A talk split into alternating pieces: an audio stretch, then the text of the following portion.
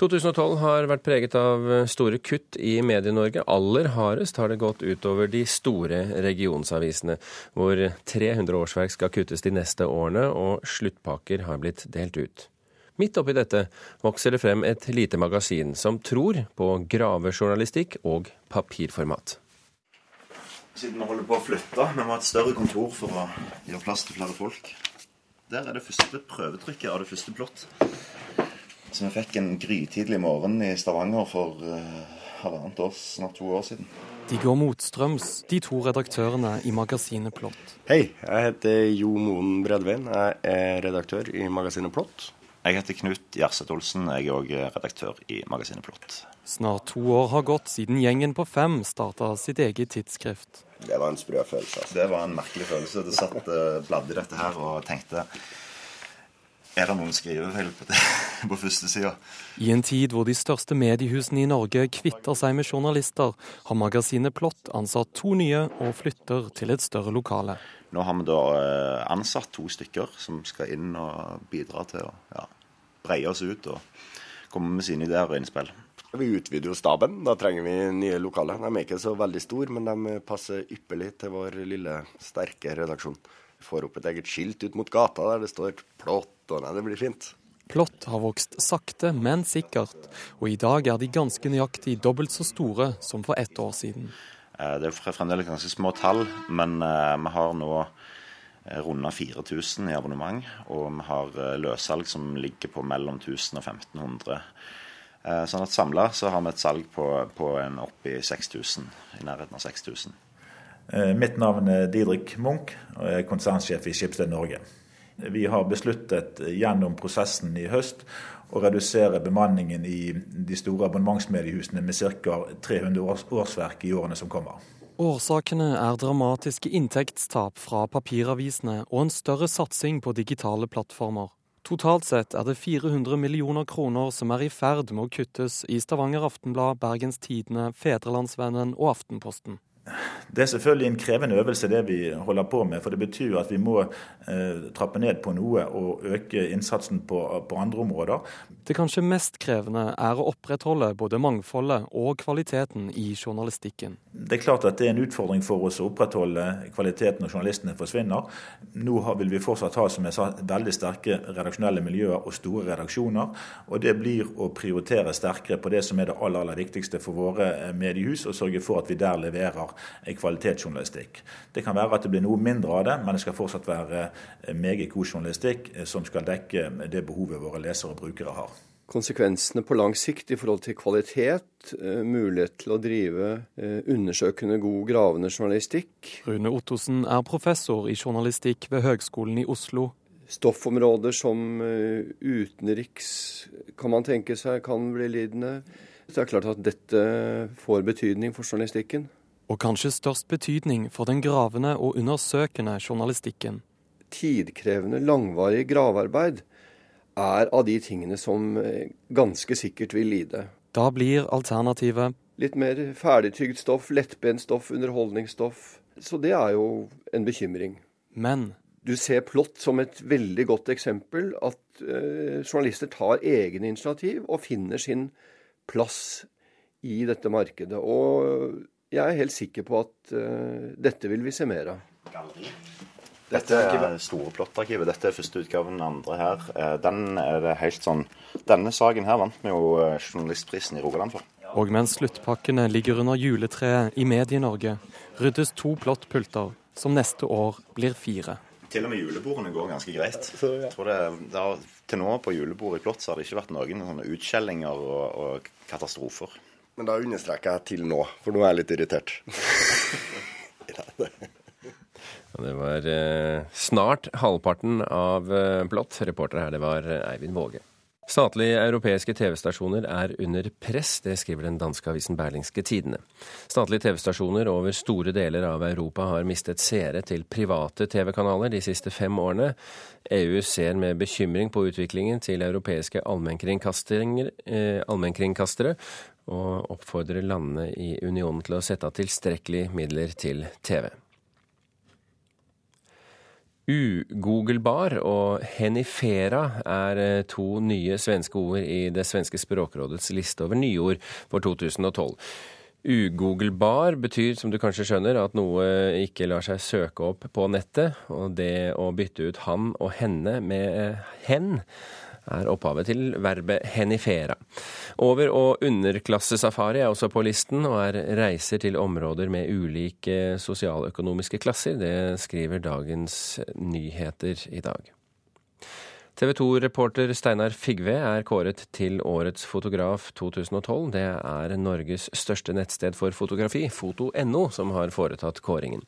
Som fotograf har Figve en klar styrke i det han liker å komme i kontakt med folk, og aldri er redd for å gå tett på, forklarer juryen i en pressemelding. Tor Heyerdahl fortjener et nasjonalt jubileum i 2013. Det mener ordfører i Larvik, Rune Høiseth. Neste år vil byens æresborger fylt 100 år, men foreløpig er det bare Larvik kommune som skal markere jubileet. Heyerdahls 100-årsdag er en nasjonal begivenhet, mener ordføreren. Etter vår mening og min mening så er det her en, en nasjonal anliggende. Uh, Tor Heyerdahl fikk uh, sin begravelse på statens bekostning, og det forteller jo iallfall meg at det her er en, uh, en nasjonal greie. Så vi er i dialog, for det her i 2014 det er jo også da grunnlovsjubileet vi skal feire sånn sett, så det er jo også koblinger i, i, i den sammenheng. Mm. Kanskje er det litt vanskelig å konkurrere med en grunnlovsfeiring?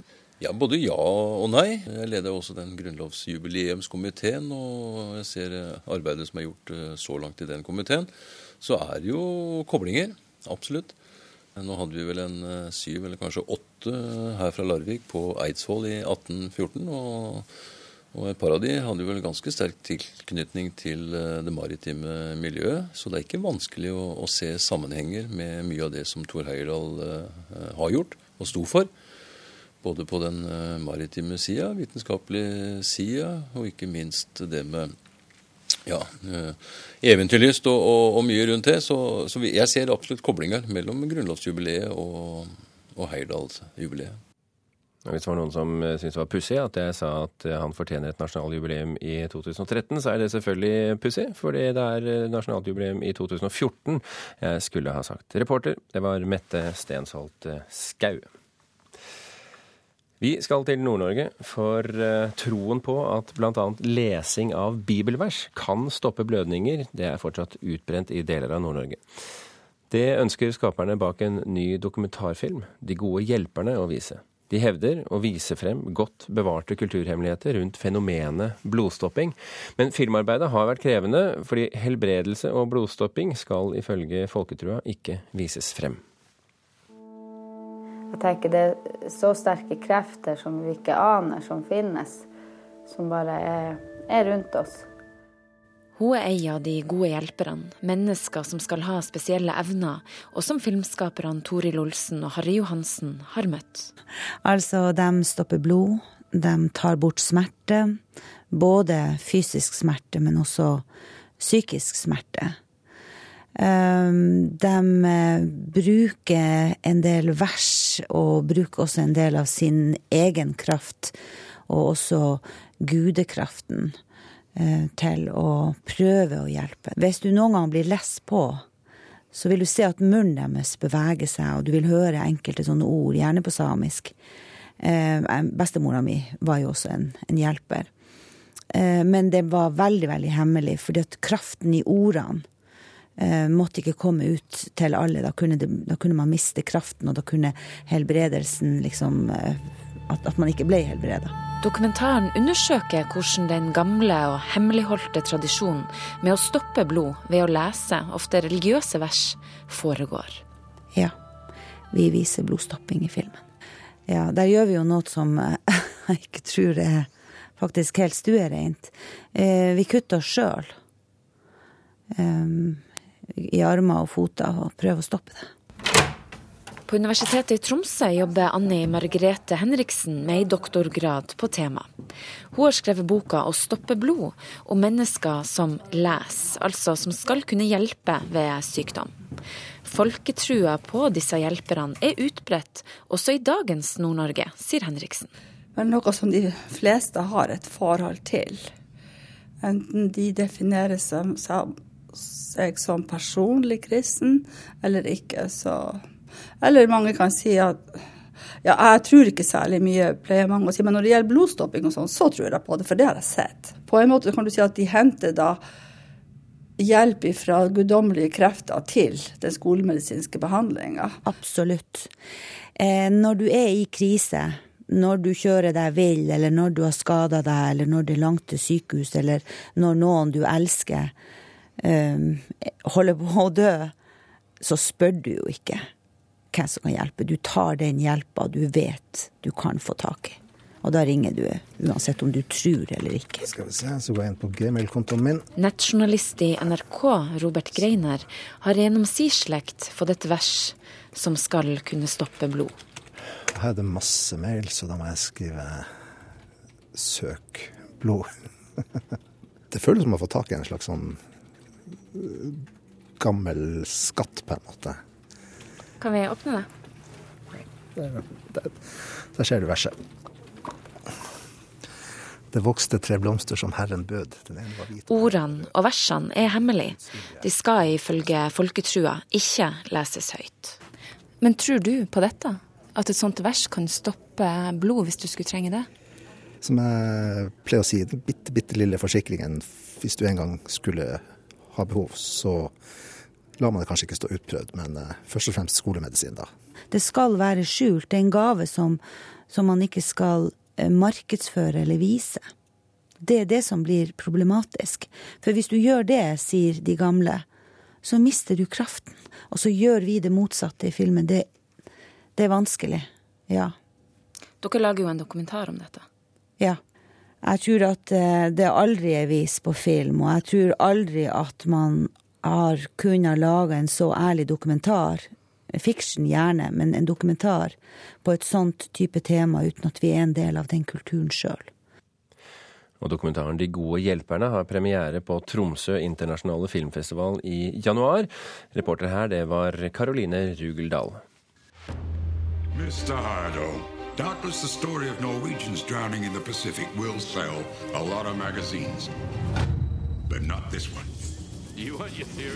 Det er eh, klart for å oppsummere filmåret 2012, og vi skal ta for oss det norske året. Filmanmelder Einar Gullvåg Staalesen, vi hører eh, Kon-Tiki eh, her. Var det Norges beste film i år? Eh, jeg syns ikke det var Norges beste film. Som film betraktet det er ikke den som bringer filmen fremover. Men eh, det er selvfølgelig den mest kjente filmen. Det er den mest kjente hovedpersonen. Tor Heyerdahl er i seg selv så eh, interessant for både nordmenn og utlendinger at filmen selger best. Ja. Men, hva, hva, som høydepunkt, ja. hva, som er høydepunktet uh, i årets uh, filmår, skal du komme tilbake til etterpå, Einar. Men vi skal um, inn på spørsmålet først. Hva er det som kjennetegner dette filmåret vi nå har lagt bak oss? Det er færre filmer, færre publikummere.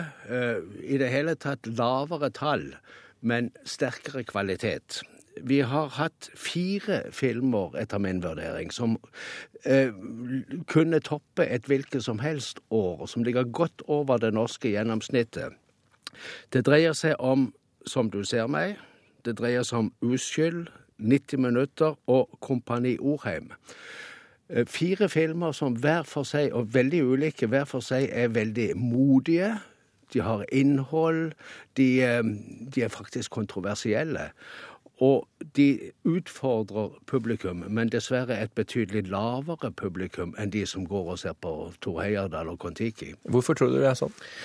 Nei, det er alltid sånn. Altså, vi, eh, vi flokker oss om heltene våre, og vi, vi, er veldig opptatt av å få bekreftet eh, vår opplevelse av en roman når en roman filmatiseres. Vi er opptatt av det kjente. Det som eh, vi, vi, mener å vite noe om på forhånd, og det vi har hørt mest om på forhånd. For det er jo også slik at det mest kjente blir enda mer kjent også i avisspaltene og i radio og TV. Men hva er det ved disse fire filmene som gjør at de utfordrer oss? Det er De tør å gå inn i mennesker, de tør å gå inn i forhold. Og det norske samfunnet, Kompani Orheim, om en, en oppvekst uh, i uh, Arne Myrdal-alderen, for å si det slik. Altså en, en, gutt som vokser opp med de store rivningene ideologisk på, på 70-80-tallet. Eh, 90 minutter eh, skildrer altså mann-kvinne-roller eh, og, og, rivalisering mellom mann og kvinne i, i diverse settinger gjennom 90 minutter. Som du ser meg, en fantastisk sånn kvinneensemblefilm. Norske skuespillere har sjelden opptrådt så fantastisk troverdig som de gjør i den filmen. Og uskyld utfordrende både i, i, form og innhold. Eh, ikke minst i form. Eh, det, det, det, det, er en sjelden film i disse tider når man har tenkt mer kommersielt enn eh, vi brukte å gjøre for noen år siden. Vi har vært veldig opptatt av å trekke et stort publikum. Disse filmene frir ikke. Men de er så interessante at de, de får et ålreit publikum. Du sier at de er troverdige. Jeg legger merke til, eh, i hvert fall ved et par av disse filmene som du nevner her, at dialogen sitter mye bedre enn det har gjort, i hvert fall sånn som vi husker filmene fra 80- og 90-tallet. Er, er, det en, en observasjon du kan dele? Ja da, dialogen sitter eh, absolutt mye bedre. Og det dreier seg om hvilket klima man skaper på et filmsett. Hva eh, regissøren klarer å formidle av sine tanker, og gjør skuespilleren trygg, ikke minst. Vi har hatt veldig fine skuespillerprestasjoner ganske lenge. Myten om den norske dialogen er litt eh, forgangen. Men eh, vi har hatt perioder også med dårlig diksjon, med, med um, taleutydelighet. Nå er jo de fleste norske filmene også tekstet på norsk, så nå får man hjelp til det. Men, men uh, i år syns jeg faktisk vi har hatt lite å sette fingeren på. Jeg syns de fire filmene, og flere til, har uh, løftet oss ganske betraktelig. Vi må tilbake dit vi startet, Einar. Hva var årets høydepunkt for deg? Årets høydepunkt var, som du ser meg, det var en, eh, en, film som ble lansert i Haugesund til, til, unison begeistring. Og jeg ser også nå etter hvert at uh, sånne nettdebatter eller nettytringer uh, unisont har vært begeistring, utfordring. en den best gjennomførte filmen, eller en av de best gjennomførte filmene på eh, et, etter uh, årtusenskiftet, vil jeg si. Uh, interessant. Veldig uh, dypt inn i kvinneskikkelser, i kvinneroller, og likevel veldig lett tilgjengelig. Klarer du på 30 sekunder, Einar, å, å fortelle litt om vi går et lyst filmår i møte 2013? Det vet vi jo ikke. Det sier uh, Filminstituttet at vi gjør. Uh, og Filminstituttet kjenner de prosjektene som er på gang. Men uh, vi skal vel vurdere det selv etter hvert. Ja. De, de skal jo snakke pent om sine egne filmer. Det må de, og de er vel, blitt veldig flinke til å snakke pent om sin fremgang, men de sier sjelden noe når de har en stagnasjon eller tilbakegang. Og de har ikke sagt mye i løpet av dette året, til tross for at det etter min mening har vært et usedvanlig godt år, men tallmessig altså svakt. Uansett, Einar Gullvåg Staalesen, du blir med å rettlede oss gjennom 2013 rent filmatisk, eh, går jeg ut fra. Så tusen hjertelig takk for 2012, og så hører vi fra deg igjen 2013.